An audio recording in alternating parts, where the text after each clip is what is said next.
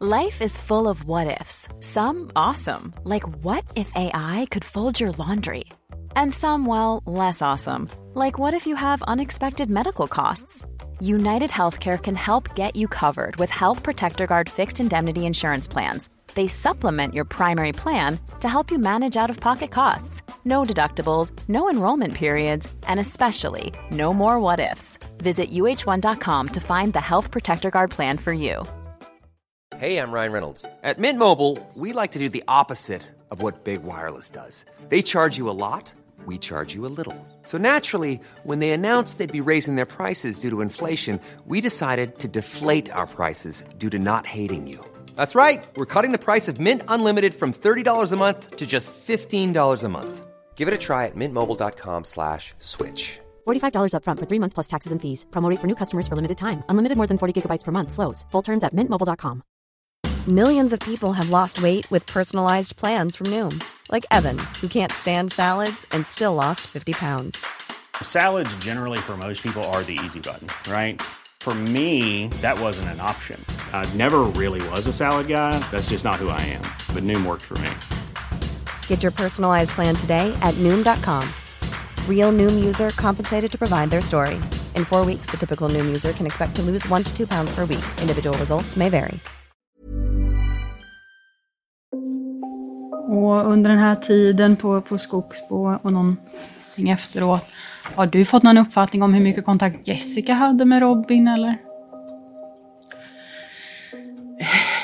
Ja, eh, hon var ju där och hälsade på också. Vi hör Annika, som ofta var och besökte Robin med Robins pappa Kent. På senare år började även Jessica besöka sin bror mer. Och efter vissa av dessa besök verkar Robin reagera med någon slags olustkänsla när Jessicas namn nämns. Hade du någon uppfattning om deras relation? Eller om det var... Eh, men, eh, alltså när man pratade om Jessica då blev han lite nervös. Okej. Han sa vid ett tillfälle att jag, jag, jag vill inte flytta. Ja, och då sa Kent, nej, sluta med det där, du ska inte flytta. Då, då frågade jag, vem har sagt att du ska flytta? sa jag. Eh, sa han och tittade och då, eh, har Jessica sagt det? Ja, sa han då. Så jag upplever att han blev lite jag vet inte vad jag ska säga. Jag kanske har fel men jag, jag, nej, jag vet inte. Jag tror att, att han var lite, lite rädd efter hon hade varit. Så upplevde jag det i Mm. alla fall. Sen undrade jag bara, du sa att du inte haft någon kontakt med honom sedan han flyttade till Hult Varför var det? Jag har inte haft någon kontakt med för att det var inte lönt för jag frågade Jessica var han fanns och då sa hon att hon hade honom inte. Och då säger jag det, jag är helt på ryktets vägar. Då kan du ta reda på det från den källan du hört det. Så fick vi ju veta att han var där ute och då var det inte lönt för mig.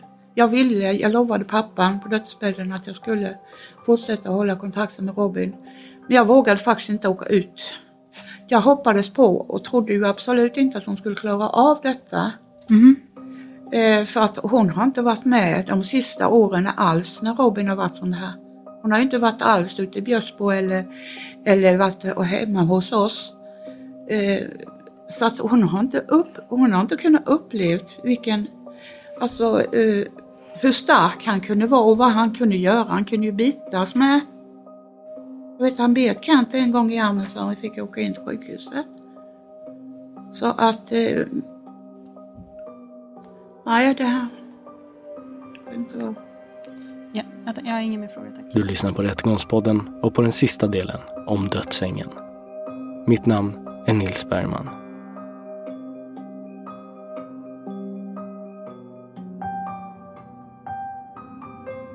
Och det är inte sällan i de lägena att man kanske biter sig väldigt hårt.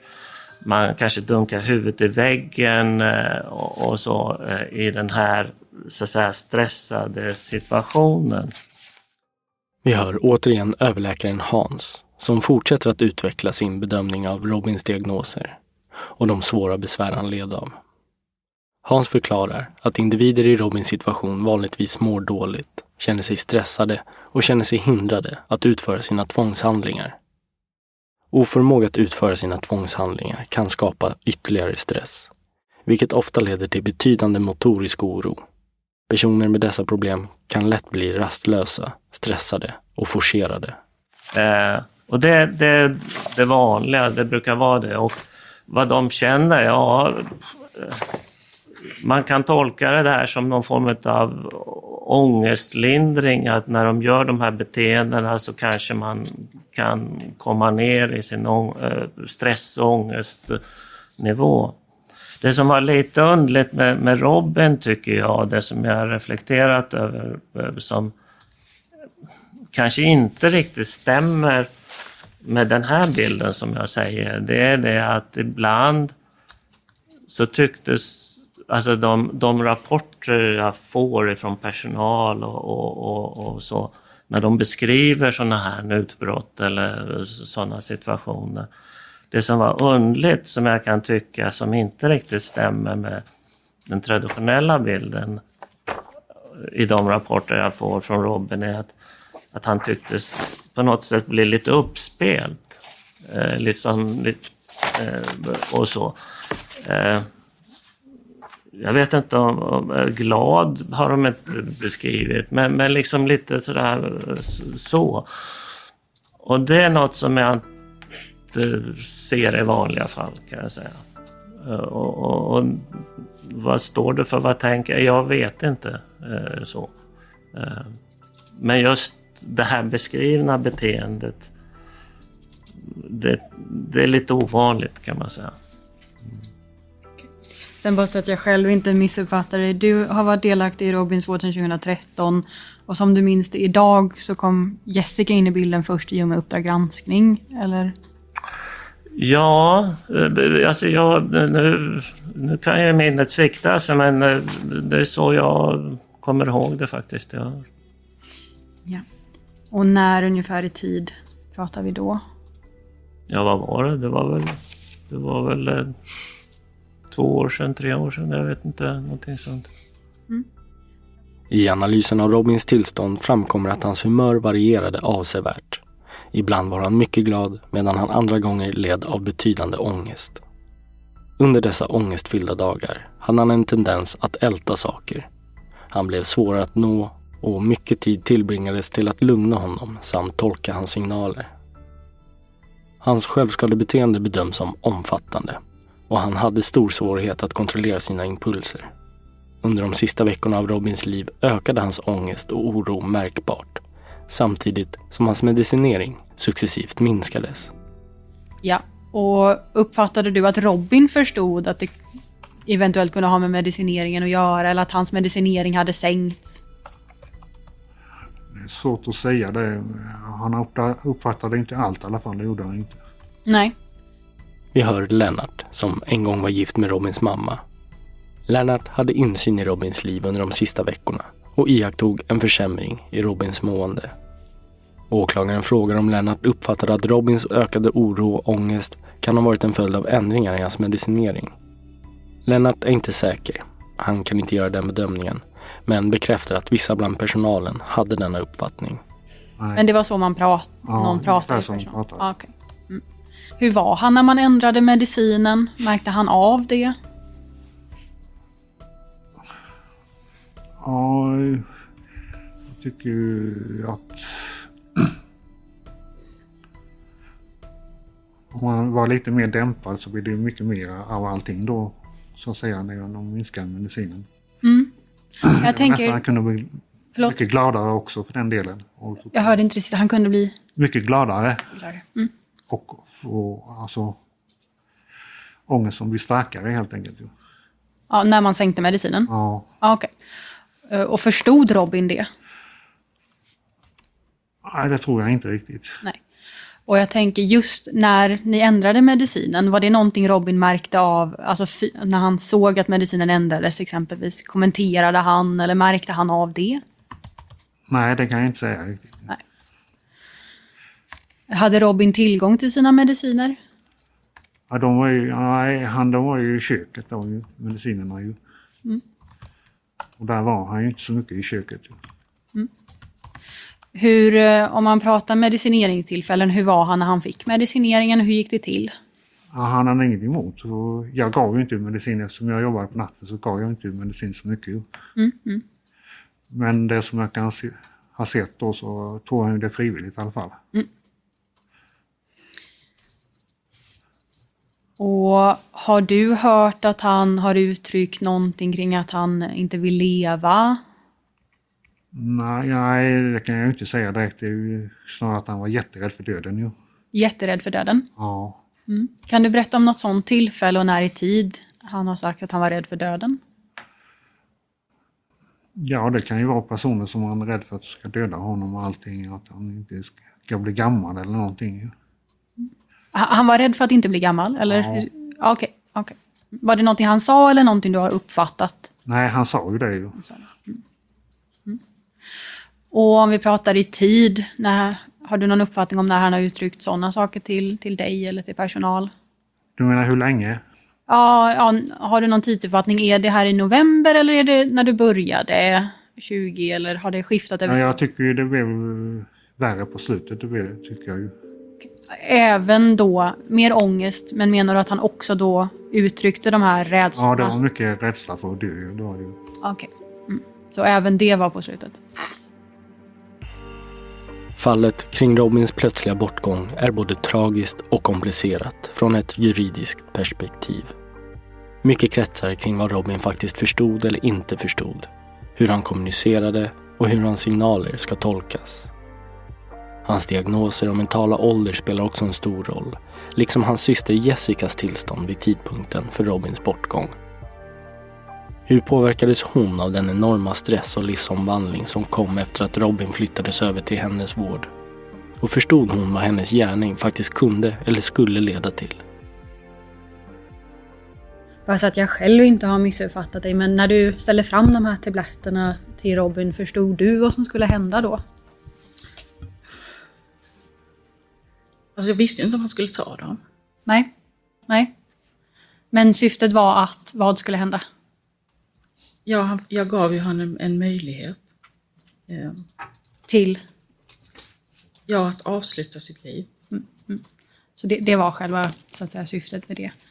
Och du har ju förklarat eh, hur han såg på den här saken, men eh, vad tänkte du för egen del kring, kring det du gjorde och att du gjorde, gav honom det här erbjudandet?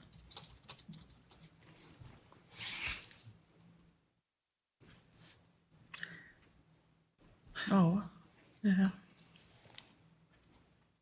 det får jag nog fundera lite på. Det var...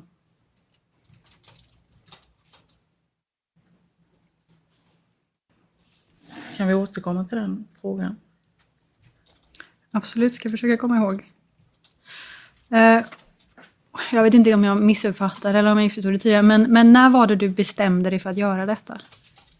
Alltså, det var ju när han... eh, han ja, eh,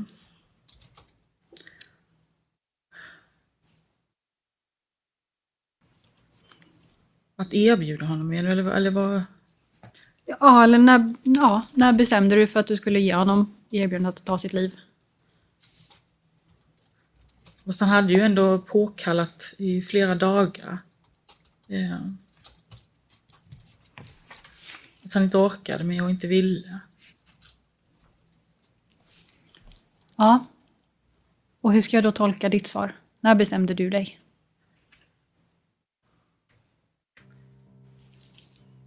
Ja, det var väl eh, kanske strax innan då eller ja. Eh, Strax innan vad? innan han, ja.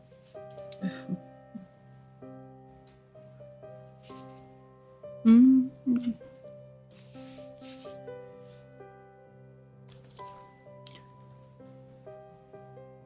Strax innan?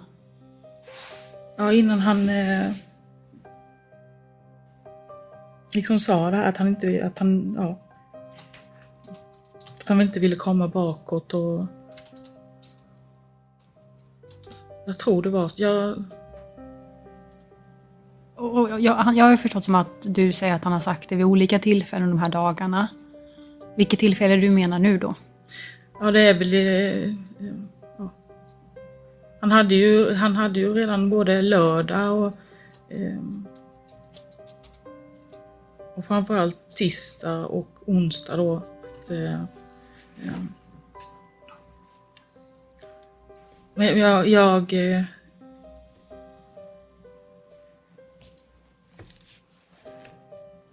Han hade påtalat på lördagen, tisdagen, onsdagen. Jag Ja. Ja. Okej. Och då menar du det här med att han inte ville bakåt? Ja, att han, han orkade inte mer. Jag vill inte mer, sa han ju på lördagen. Okej. Ja. Mm. Var det på lördagen du bestämde dig? Nej, det, det gjorde jag inte. Det kan jag inte. Var det på tisdagen du bestämde dig? När Nej, det var mer på, på onsdagen där man säger... eh,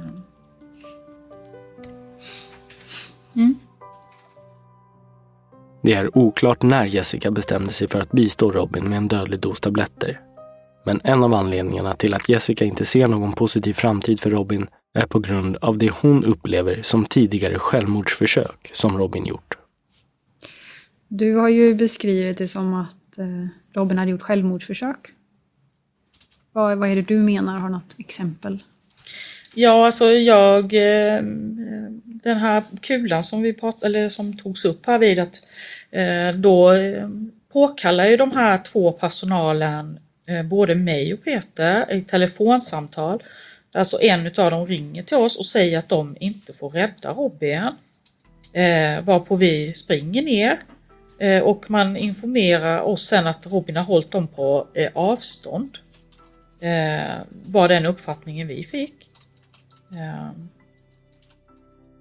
Jessica refererar till en incident som skedde sommaren innan, då Robin råkade sätta en deodorantkula i halsen.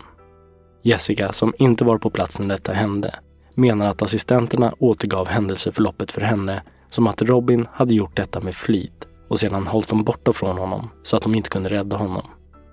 Men det här stämmer inte överens med hur assistenterna berättar om det. Assistenterna Kibrom och Abdulrahman återger båda det som att Robin ofta brukade smaka på sin deodorantkula. Och denna gång råkade Robin trycka in deodoranten för hårt och svalde plötsligt kulan. Vilket ledde till att den fastnade i hans hals.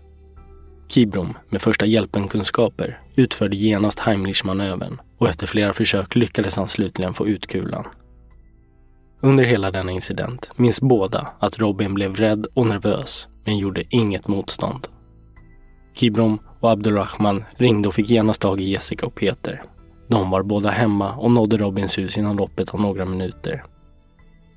Trots denna skrämmande incident återgick Robin till sitt vanliga beteende efteråt. Både Kibrom och Abdulrahman är ense om att det inte verkade som att Robin svalde deodorantkulan med avsikt. Snarare verkade det som att det var ett olyckligt misstag. Mm. Där har vi ju hört båda de två som var med i personalen som vi kollar på den här tillbudsanmälan. Och Jajamän. De har ju sagt samma, men har sagt att det inte var något försök att döda sig själv och de vet inte var det kommer ifrån. Och inte heller Robins läkare Hans har någon gång nåtts av några uppgifter om tidigare självmordsförsök. Har du fått återkopplat från, från ja, personal eller någon annan närstående att Robin hade gjort självmordsförsök eller vad? Nej, ja, det har jag inte. Inte, nej. Stämmer sådana saker själv. Eh, Mm. Jag har ju så att jag har gått igenom journalerna och visat exempel och, och visat på er. Och jag förstår ju på dig nu och nu har vi hört det rätt länge utfallet att du har uppfattat att det var självmordsförsök vid i vart fall då den här deodorantkulan, bilrutan och så svälja snigel och, och, och så har det någon mer händelse här. Men jag kan inte se att, det att ni har påtalat för läkaren att det är självmordsförsök. nej. Hur kommer det sig? Ja, det grundar ju sig att han, eh, liksom det här att han skulle väl bli inlåst. Vad gör man med de här människorna? Så förstår jag det rätt? Om ni hade påtalat det för läkaren så var ni rädda att han skulle bli LPTad eller inlåst? Ja, han... Eh, Eller? ja, jag tror alltså... Eh,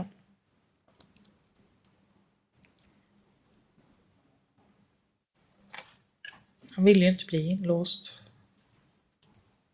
Ville ni inte heller att han skulle bli inlåst då, antar jag? Eller? eller för, för Robin är ju inte den som har kontakten med läkaren, utan det är ju, det är ju ni, eller främst Peter. Mm. Jag vet inte vad, det som sagt, jag har inte tagit del av de här, eller eh, liksom förrän nu. Eh. Nej.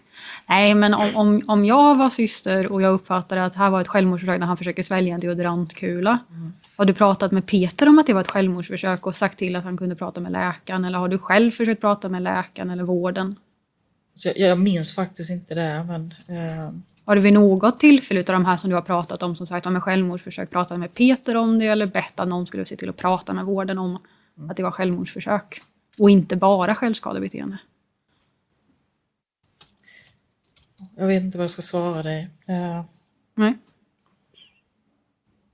Enligt Jessica var Robin orolig för att det skulle gå bakåt och att han uttryckte en vilja att bli en ängel som pappa. Men vad är det egentligen Robin mer specifikt sagt om att vilja dö? Hur har det uttryckts? Ja, när en människa säger jag orkar inte mer. Jag orkar ha... inte mer. Mm. Så det, det, är bara, bara, så att jag får klara ja, det. Är alltså, det är också en, en mening kanske också till då. Ja. Så orkar inte mer och vill inte bakåt. Mm. Var det någonting mer? Nej, men han var ju tydlig med vad han... Så... Att han ville bli en ängel som pappa. Mm. Mm. Ett kritiskt element i Jessicas försvar kring händelseförloppet rör Robins ständiga begäran om att det aldrig får bli bakåt. Med andra ord, att situationen aldrig ska återgå till hur den har varit tidigare, med honom inlåst. Och det, menar, det kan inte bli tydligare. Han, han, han benämner ju till och med platserna där de har, eh, i alla fall två av de här platserna där de har låst in honom. Mm. Mm. Samtidigt betonar åklagaren att Robin faktiskt också tycks ha haft framtidshopp och drömmar om att livet skulle bli bättre. Det är klart att han pratade också om framtiden. Jag menar... Vad, hade, han, vad, hade han någon, vad ville han med framtiden? Ja, han... han eh, ja. Han var mycket att det här... Ja, pandemin skulle släppas och vi skulle kunna åka ut och dansa. Han skulle träffa en tjej. Och, eh, kunde han säga. Eh, att vi skulle, jag och att vi skulle hämta hans, eh, eller vår andra bror Henrik då. Att eh, vi skulle åka till, eh, vi skulle hämta honom och så skulle vi ta eh, Bolmsöfärjan över till Ljungby och där ska vi gå in på McDonalds och äta hamburgare och donuts. Och sen, ja, en, så att, ja. Mm. Har han någon gång sagt att han är rädd för att dö? Ja, alltså han kunde säga om vartannat hela tiden. Det, Om vartannat? Han kunde säga ja, både alltså, att han var rädd för att dö och att han inte ville bakåt? Ja, att han liksom, ja. Eh, inte, inte i samma... Men det här handlar om alltså olika... Eh, han kanske bemästrar, om man säger den här eh, ångesten kanske eh, men, men just när ångesten blev så stor just för att bli inlåst igen då, då hade han, då, det, var ju en, det var ju hans största eh, grej, alltså som han var totalt livrädd för. Mm. Ja.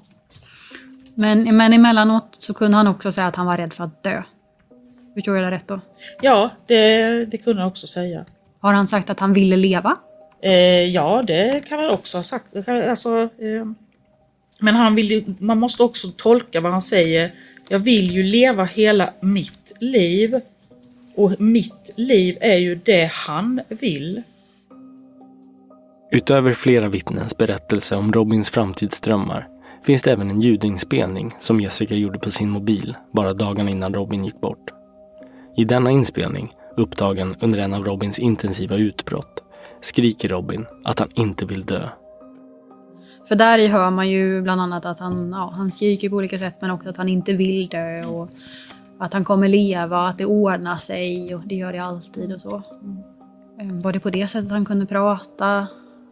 Ja, alltså sen var det som jag sa ytterst eh, om han var eh, han var väldigt eh, eh, han svor nästan aldrig och han gapade och skrek nästan aldrig så här heller.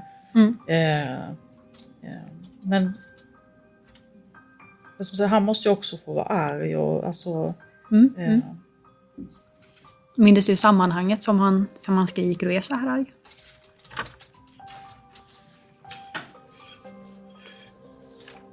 Nej, jag gör nog, kan inte... Mm. Och så kommer vi in på de sökningar på nätet som Jessica gör den 4 november, en vecka innan Robin dör. Hon söker på Ta sitt liv, Ta sitt liv autism och besökte en sida på umo.se, en kunskapskanal för ungdomar och unga vuxna. Där besökte hon en sida med frågeställningen Hur begår man självmord utan att känna något? Och om vi går vidare och bara stämmer av då. Jag har ju gått igenom några sökningar på datorn. Kan du berätta lite grann om dem? Och... Ja, det blev väl relaterat till det här eh, på lördagen där då var han... Eh, Lördagen den 6 jag kommer inte... Eh, ja. november. Eh, ja. Eh, För sökningarna i sig var ju från 4 november. Okej. Ja. Vet du, återigen bara så att det inte blir något fel, men vem som har gjort sökningarna? ja, men det är jag som har gjort sökningarna. Var det enda gången som du har gjort sådana här sökningar? Nej, jag har inte, det har jag ja, kommit in på 1177 och alltså just när man har pratat eller ja, när han har gjort begått de här eh, självmordsförsöken, liksom hur man själv ska hantera det eh, med honom. Mm. Själv ska hantera det och då söker du på självmord, autism. Men lite blir det väl så att man liksom kanske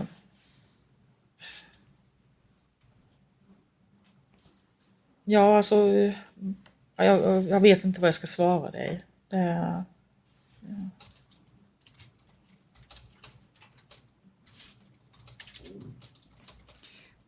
Och mm, hur många gånger hade du sökt på det innan och när i tid? Är det samma veva här i november eller? nej, det kan ha varit kanske på sommaren där med eller Mm. Jag, jag, kan inte, jag, kan, jag kan inte, som du säger, peka direkt typ då och då. Alltså, Mm.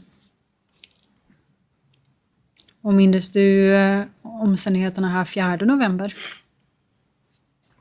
Varför du sökte då?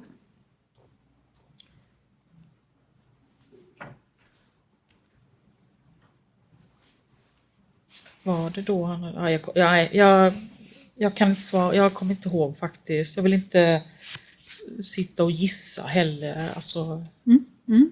Nej, minns inte så minns du inte. nej, Eh, uppfattningen jag får är ju då att det är... Att, tänker du att du ska hjälpa honom begå självmord?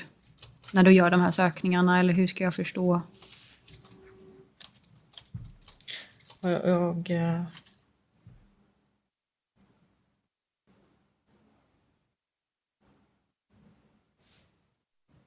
jag, jag vet inte. Det,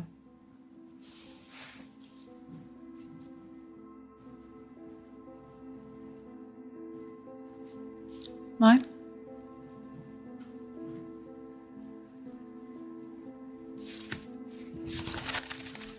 Det är återigen så att jag själv förstår, för jag förstår inte riktigt varför man annars söker just på de här sökningarna om det nu hjälp, handlar om att man ska hjälpa honom. Ja, alltså... Eh, jag sitter förbi, jag tänker på typ förbi liksom hur...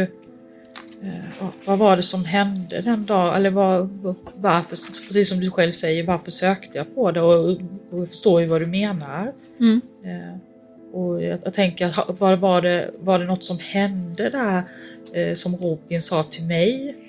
Eh, och, och, och, då- ja, men jag kan, inte, jag kan inte leta fram, eh, placera liksom ett, ett minne som jag kanske inte... Eh, utan Mm. Ja, nej, och det förstår jag eh, kring fjärde, men jag förstod att du också hade gjort det tidigare. Och jag tänker att sy- är syftet densamma eller om du ändå har gjort det i flera tillfällen? Nästa punkt åklagaren vill fråga Jessica berör Robins medicinering och mer specifikt varför den sänktes veckorna innan han dog. Och det förstår jag på dig att då blev han mer med i huvudet bland annat. Ja. Hade det några andra biverkningar? Ökade upp hans oro exempelvis? Vad sa du? Ökade det hans oro eller så? Eh, eh, han sa ju alltid, man säger att tablet, de hjälper ju aldrig tabletterna. Mm. Eh, vi hade många, alltså dels att man hade provat en 30-40 olika preparat på honom eh, just mot ångest och han, sa det hjälper ju inte. Eh, och visst blev han blev ju mycket piggare och kvickare och, och för det var ju också, alltså han har ju haft de här medicinerna ja, i så många år. Mm. Så det är klart att det påverkar ju men eh, Mm. Kan det ha påverkat de här sista två veckorna att man hade dragit ner på medicin? nej det tror jag faktiskt inte utan det var nog mer alltså eh, eh, vad heter det?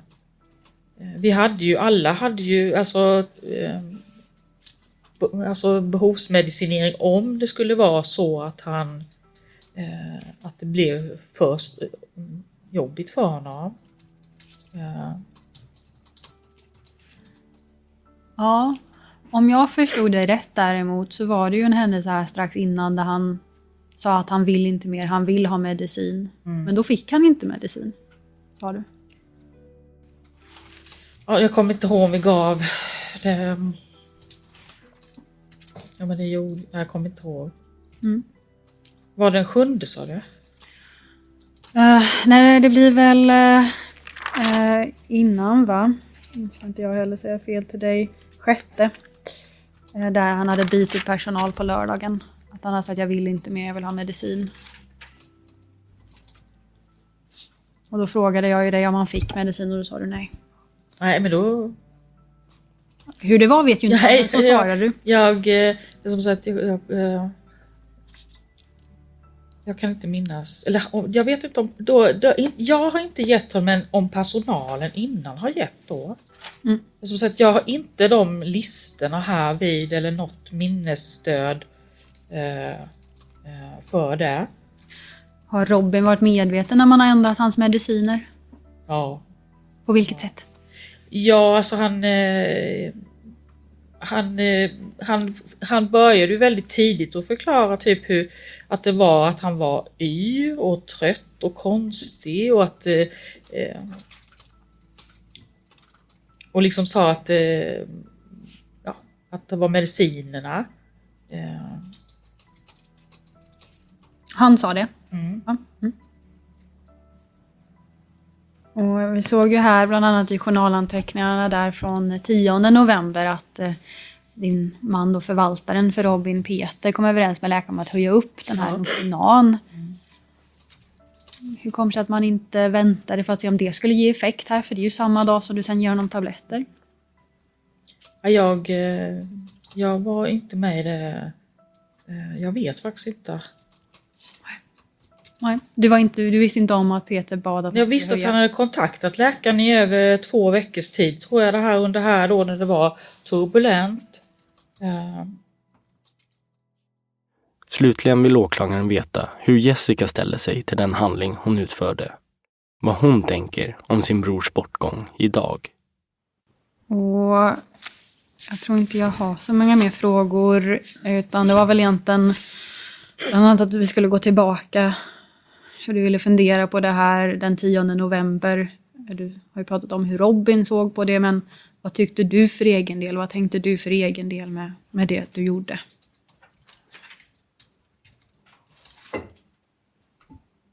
Hur såg du på det du gjorde? Hur ser du på det du gjorde idag? Vad tänker du om detta? ja du, det... Jag vill ju ändå liksom... eh, Jag har ju som jag har sagt att jag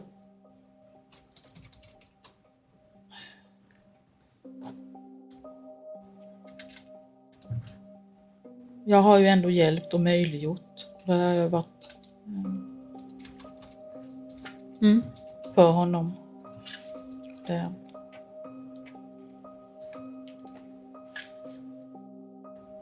Mm. Jag har nog ingen mer fråga just nu, tack. Vi hör nu målsägande beträdet som uppmärksammat att Jessica tidigare bett att få återkomma med ett svar. Målsägande beträdet tänkte nu återkoppla till den frågan. Ja, om jag noterat rätt, är någonting i stil med om du förklarat eller sagt rakt ut att nu gör vi på det här sättet. Och det har jag också noterat att du inte minns, men att jag eventuellt skulle kunna återkomma till det. Ja, alltså vi... Eh,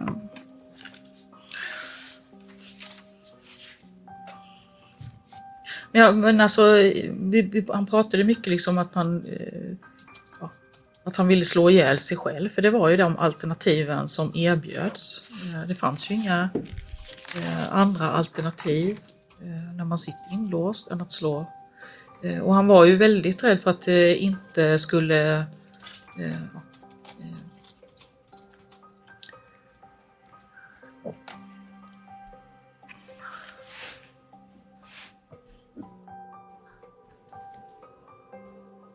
Som, ja.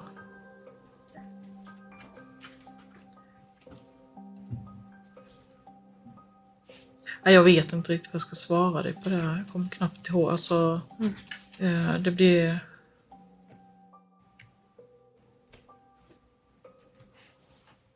Du har inget minne av att ni pratade om något mer specifikt just det här aktuella tillfället?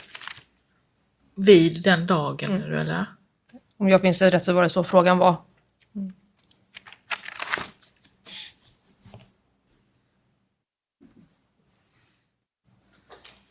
Minns du inte så minns du inte. Jag, kan, jag, jag är hemskt ledsen, men alltså... eh,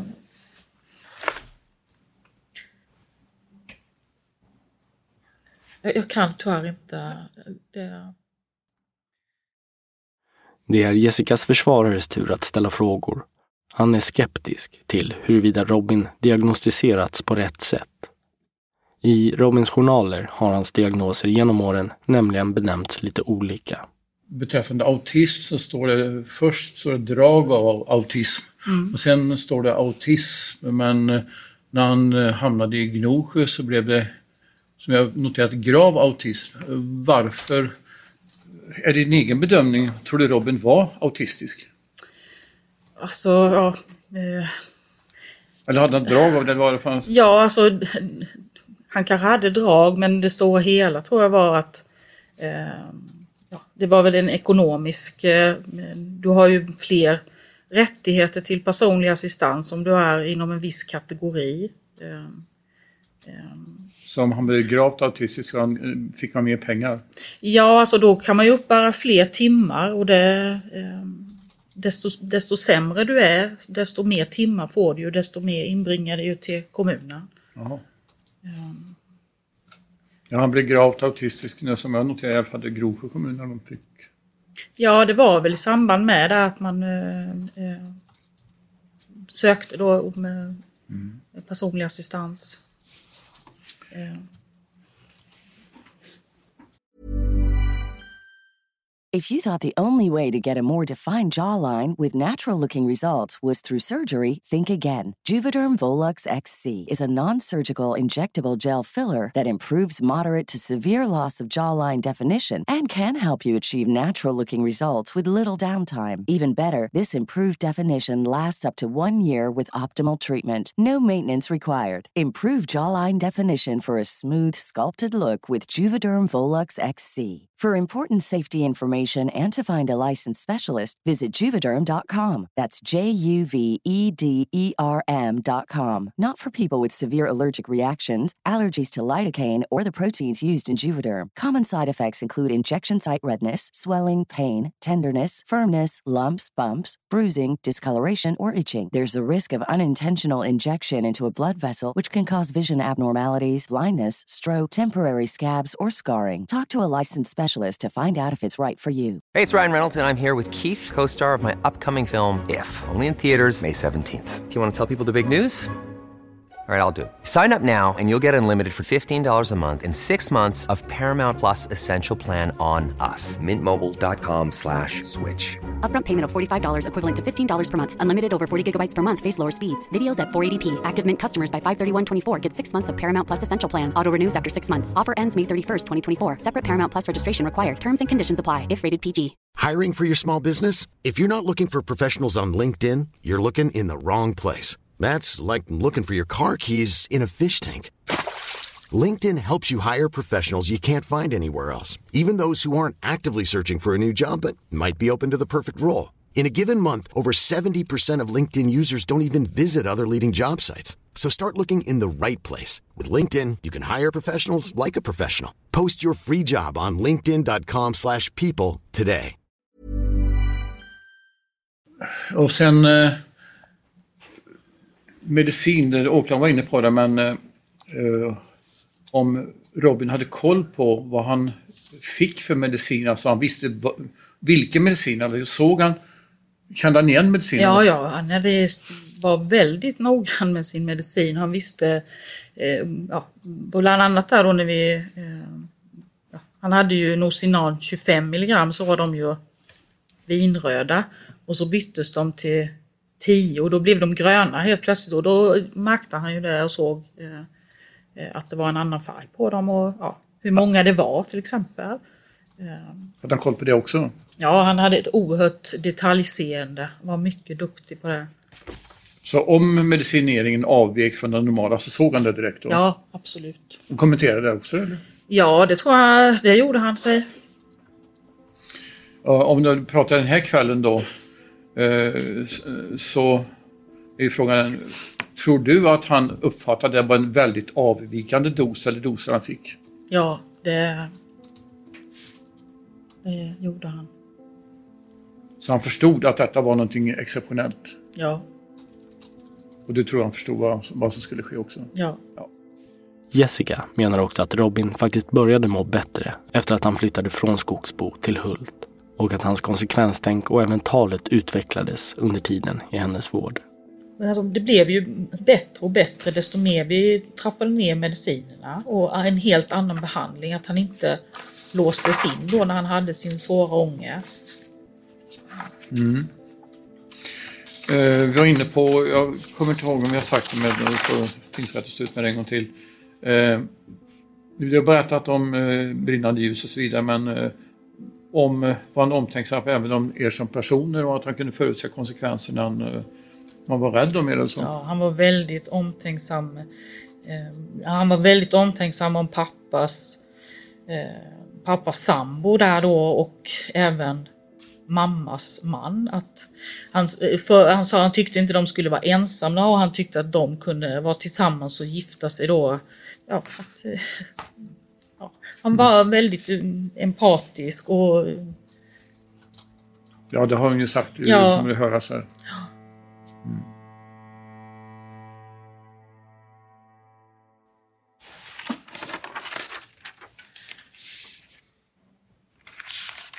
Åklagaren har ytterligare? Ja tack, bara några kompletterande frågor så att jag själv inte heller har missuppfattat. Eh, Det här när du hade, om vi pratar om själva kvällen den tionde, då sa du att Robin hade ju inte sagt någonting eh, när han gav tillbaka tablettmuggarna och vattnet. Hur var han då? Var han som vanligt eller?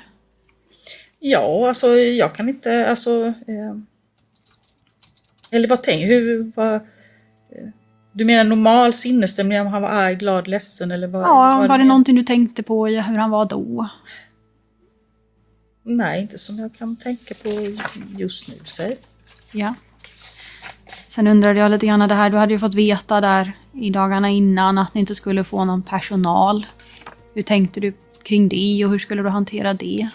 Ja, alltså vi, jag hade ju det som jag sa då, så var det ju samtal med kommunen på måndagen och eh, eh där de ringer till mig då. Eh, och eh, och hänvisar då, men de säger ju också i det här samtalet att de eh, ska eh, ta dit och vi ska, att de ska introducera men, eh, Eh, ja, men det, det var väldigt vaga grunder hela tiden. Liksom att... Eh, eh så jag visste ju, alltså... Eh, alltså alla, alla kan ju inte vara borta liksom. Det var... Eh, Mm. Men visste du hur du skulle hantera den informationen när det inte skulle komma någon personal och ni fick ta över vården?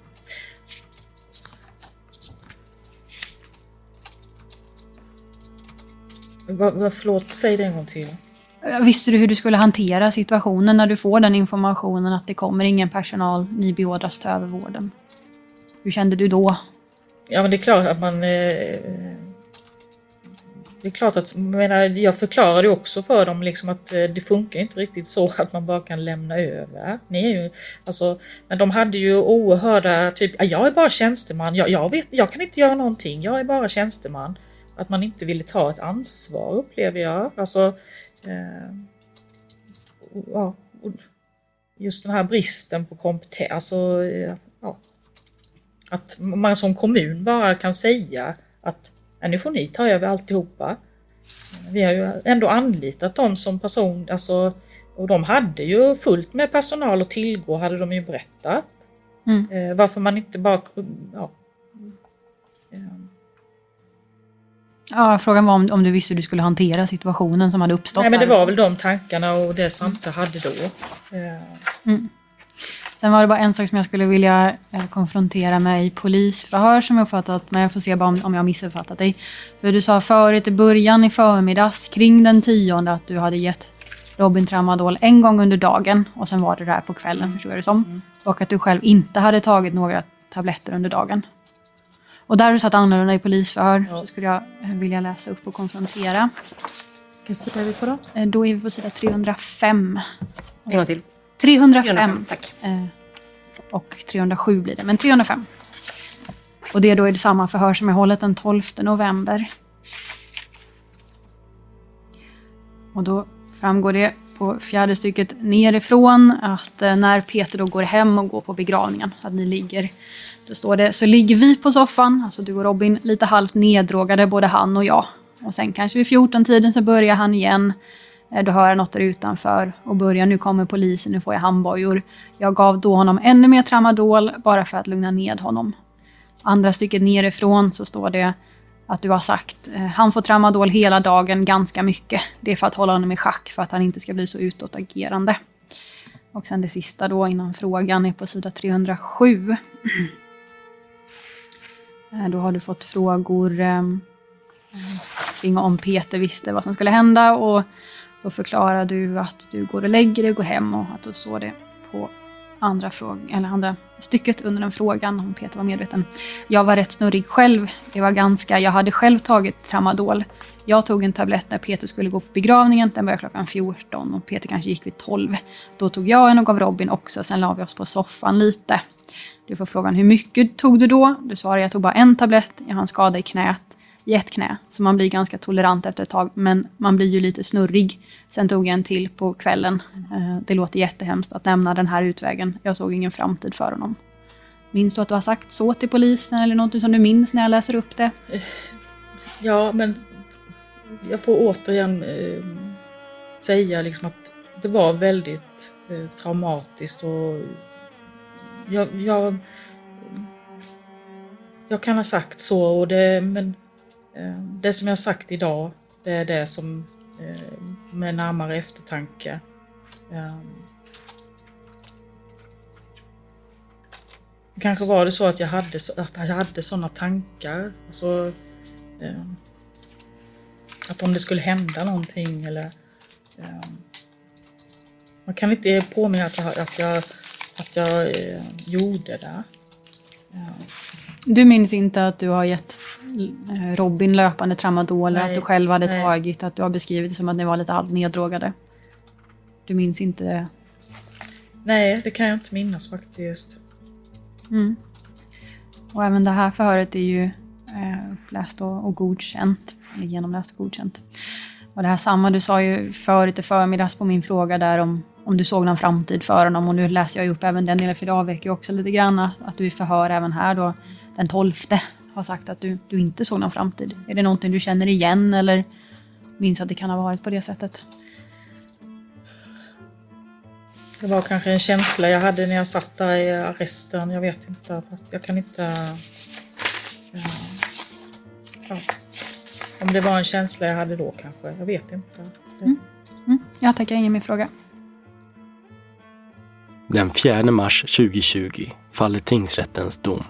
Och i den kan man läsa följande. Vid en bedömning av Jessicas trovärdighet framkommer det att hennes förklaringar ibland skiljer sig åt mellan vad hon sagt i polisförhör och vad hon framställer i rätten. Vilket skapar viss osäkerhet kring hennes pålitlighet.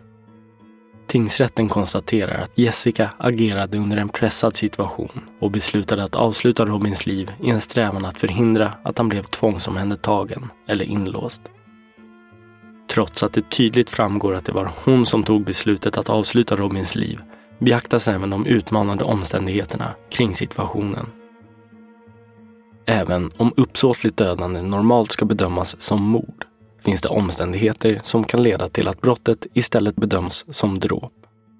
I det här fallet bedömer tingsrätten att Jessicas handlingar kvalificerar för dråp, trots att hon avsiktligt berövade Robin livet. Jessica, som är 49 år gammal och tidigare ostraffad, kommer att dömas för brottet dråp med en straffskala som sträcker sig mellan 6 till 10 års fängelse. I sin bedömning tar tingsrätten hänsyn till Jessicas avsikter och motiv liksom det faktum att Robin avled kort tid efter medicinintaget, utan lidande. Situationen vid tiden för händelsen, inklusive Robins försämrade hälsa och den ohållbara situationen, beaktas också. Trots att det finns en del medkänsla med i det här fallet anser tingsrätten att det inte finns tillräckligt med utrymme för att tillämpa lägre straffvärde för så kallade barmhärtighetsmord. Sammantaget bedömer tingsrätten att det inte finns anledning att sänka straffvärdet ytterligare och att andra påföljder än fängelse inte är lämpliga. Därför döms Jessica för dråp till sex års fängelse. Men domen överklagas till hovrätten. Både av åklagaren som vill se ett skärpt straff och av Jessica som vill frikännas helt. Och hovrätten kommer till en annan bedömning än tingsrätten. De skriver att det är begripligt att Jessica upplevde situationen som svår och pressande. Dock är det viktigt att notera att hennes upplevelser var subjektiva, baserade på hennes egna antaganden om vad ett eventuellt framtida omhändertagande skulle innebära för Robin. Hon har hävdat att Robin uttryckte rädsla för att bli inlåst och inte ville vårdas av kommunen igen. Det verkar dock som att Robins rädsla primärt var kopplad till hans rädsla för polisen Jessica har inte kunnat ge en grund för sin tolkning av Robins uttryck att det inte får bli bakåt. Det finns också alternativa lösningar för att hantera situationen.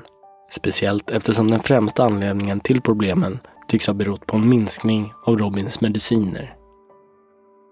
Även om Jessicas upplevelse av situationen till viss del kan vara förmildrande är det viktigt att betona att hon var nära Robin och begick brottet i hans hem där han borde känna sig trygg. Dessutom utnyttjade hon hans sårbarhet på grund av hans funktionsnedsättning. Dessa faktorer gör att brottet betraktas som mycket allvarligt. Vid en helhetsbedömning kan det konstateras att det inte finns tillräckligt klart förmildrande omständigheter som skulle leda till att brottet bedöms som mindre grovt och därmed som dråp.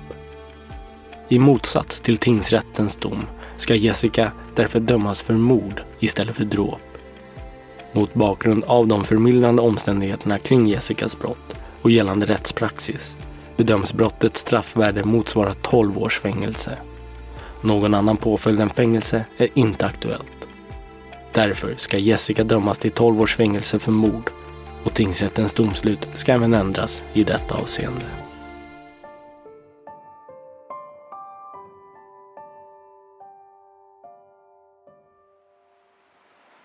Vad är ett värdigt liv?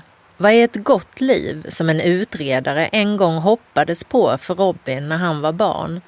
LSS är en lagstiftning som skrevs utifrån samma grundtanke, rätten att leva och inte bara överleva.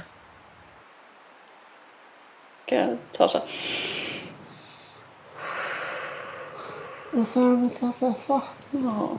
Vad sa du? Jag känner mitt hjärta slå. Ja, mitt hjärta slår hela tiden, ja. Det gör det. Kan gå. Men ett hjärta kan gå i tusen bitar. Säger du att du är min vän så är du kanske det. Da, da, da, da, da. Allting kan gå i tur. Mitt hjärta kan gå i tusen bitar. Säger du att du är min... Vad var det? Vän så är du kanske det. Du har lyssnat på Rättegångspodden och på den sista delen om dödsängen. Mitt namn är Nils Bergman. Ansvarig utgivare är Jonas Häger. Tack för att ni har lyssnat.